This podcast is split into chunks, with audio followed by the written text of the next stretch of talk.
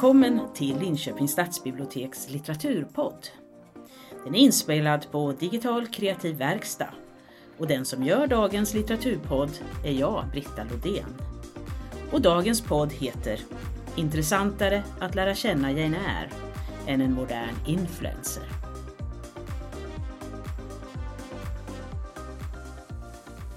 Nu för tiden är det ju populärt att följa influencers som visar upp sig i bloggar, sociala medier och realityserier. Vi får följa många gånger rika personer i deras vardagsliv, kärleksbekymmer, familjefejder och vänskapsintriger. Att ta del av kända personers liv är tydligen något som lockar många.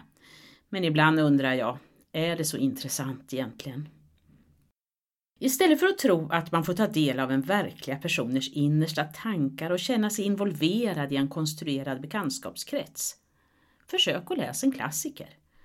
Där får man tillgång till så många vänner med varierande personlighet. Man kan känna sig som bästa vän, förälska sig eller avsky personerna i boken. Att läsa vilka dyrbara skor som en modern influencer har fått tillsänt sig för att visa upp för sina läsare vad ger det i längden?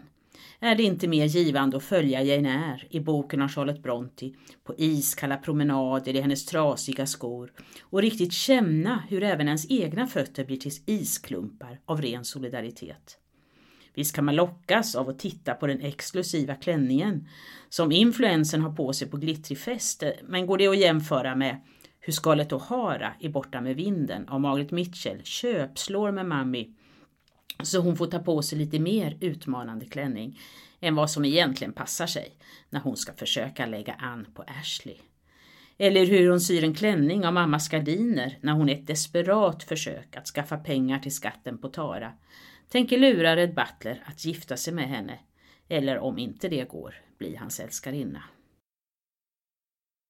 När det gäller klänningar i världslitteraturen så tror jag många av oss minns klänningen som den skönhetsälskande Ann fick första julen på Grönkulla i Ann på Grönkulla av L.M. Montgomery. Det var den första vackra klänningen hon hade ägt och den hade puffärmar som hon så hett hade längtat efter.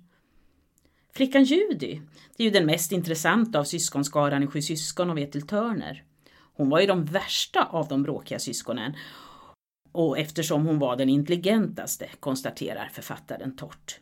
Hon som aldrig promenerade utan rusade fram med hopp och krumsprång och det såg ut som någon hade kastat kläderna över henne med en högaffel.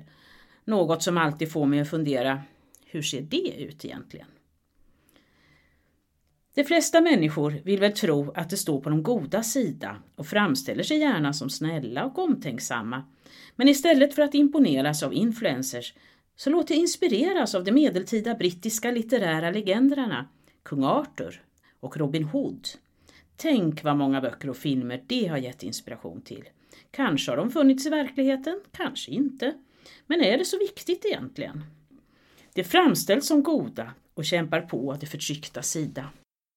Kärlek är en viktig faktor i de flestas liv, men istället för att vända ut och in på sina känslor så gör som Jane Austen. Få kan väl skildra kärlekens alla komplikationer som utan att det egentligen händer någonting.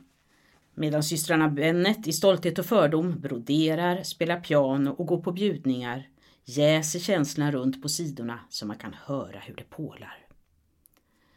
Ibland är det bättre att inte ta till överord.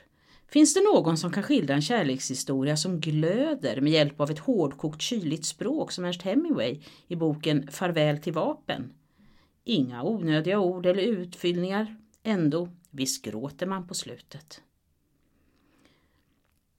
En och annan influencer försöker sig säkert på äktenskapsmäkleri och berättar ingående om hur det går.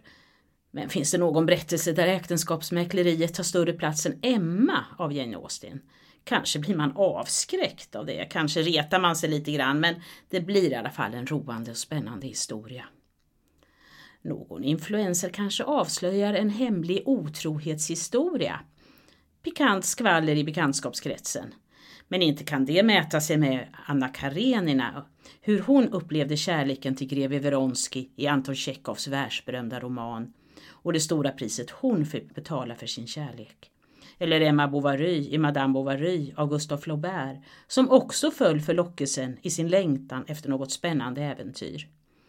Uttråkad var ju också den varmblodiga Therese Raquin i boken med samma namn om Emil Zola i sitt äktenskap med den sjuklige Camille. Och det leder till att hon inleder ett passionerat kärlekshistoria med dennes vän Laurent. Ett ödesmättat drama som bara kan leda till en katastrof.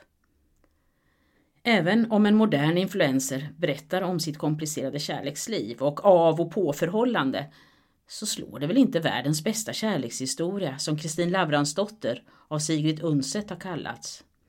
Ja, är det en lycklig eller olycklig kärlekshistoria? Nog älskade Kristin och Erlend varandra hela livet. Ibland var det passionerat, men mest levde de i fiendeskap. Den snälle Simon, som Kristin övergav när hon träffade Erlend, älskade ju också Kristin hela livet och det i sin tur ställde till det äktenskapet mellan Simon och Kristins syster. Sjuk av kärlek är ju Jenny i boken med samma namn, också av Sigrid Undset, men föremålet saknas alltjämt. Därför gör hon misstag, mänskliga men onödiga. Att inte Jenny förstår att den intelligente Gunnar Häggen är den rätte för henne innan det är för sent är lika frustrerande varje gång man tänker på den berättelsen. Jag förälskade mig minsann i Gunnar innan Jenny gjorde det. En nästintill omöjlig kärlekshistoria upplever ju också Charlotte Brontes i Einar efter alla svårigheter hon hade råkat ut för, uppväxten hos den elaka fasten, bästa väninnan som dör på internatskolan, så möter hon kärleken till den sorgsne hemlighetsfulle Mr Rochester.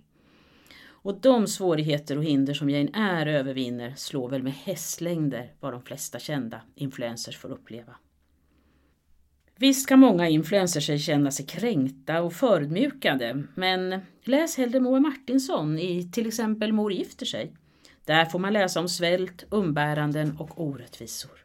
Veta sin plats, kröka rygg för överheten, det var en lärdom barnen tvingades ta till sig. Många influencers vill väl framställa sig som intressanta personligheter. Men visa mig den influencer som har sån intressant personlighet som Tintomara i Drottningens juvelsmycke av Carl Jonas Love Almqvist. Hon som är halvsyster till Gustav IV och varit hans hemliga lekkamrat och på grund av sina androgyna egenskaper hamnar i komplicerade situationer och utan egen förskyllan blir en bricka i spelet under mordet på Gustav III. Eller hur många kan leverera en så minnesvärd replik som Tintomaras mor som den klassiska repliken Två ting är att vita, oskuld, arsenik. Tilltrasslade situationer råkar vi alla ut för. Finns det någon influencer som skulle lyckas reda upp de tilltrasslade situationer som den unga nygifta kvinnan i boken Rebecca av Daphne du Maurier till slut lyckas med? Att komma som ugg och nyförälskad hustru till en enkeman på slottet Manderley bara för att finna att hans första hustrus skugga och hennes mystiska död vilar tungt över slottet. Det är ingen lätt sak, men det ger en minnesvärd berättelse. En influencer kanske berättar om sin resa med en lyxkryssare och hoppas att vi ska bli avundsjuka. Men jag tror det är betydligt större äventyr att läsa och låtsas att man åker flotte längs Mississippifloden, som Huckleberry Finn och slaven Jim gör i boken Huckleberry Finn av Mark Twain. Förutom att man får uppleva en massa äventyr så lär man sig om slaveriet i sydstaterna och man kan ju verkligen förstå Jims längtan efter frihet. Att förstå vår historia är nödvändigt för att förstå vår samtid. Visst finns det influencers som ger historiska referenser, men ingenting ger så mycket förståelse för historia som att läsa en historisk roman. Genom att läsa en klassiker som till exempel Historien om två städer av Charles Dickens så får man nya synvinklar på det historiska skeendet under en extremt spännande och omtumlande tid. Medan man läser känner man stanken, smutsen, rädslan och man ser allt blod som flyter under franska revolutionen. Eller läs den mustige boken Röde Orm av Frans G. Bengtsson och upplev många äventyr under vikingatiden. Exemplen är legio. Det finns en orsak att klassiker är klassiker. Personerna i boken följer oss hela livet och få har som förmåga att fängsla sina vänner med sina äventyr, starka känslor, komplicerade intriger och vackra, sorgliga kärlekshistorier.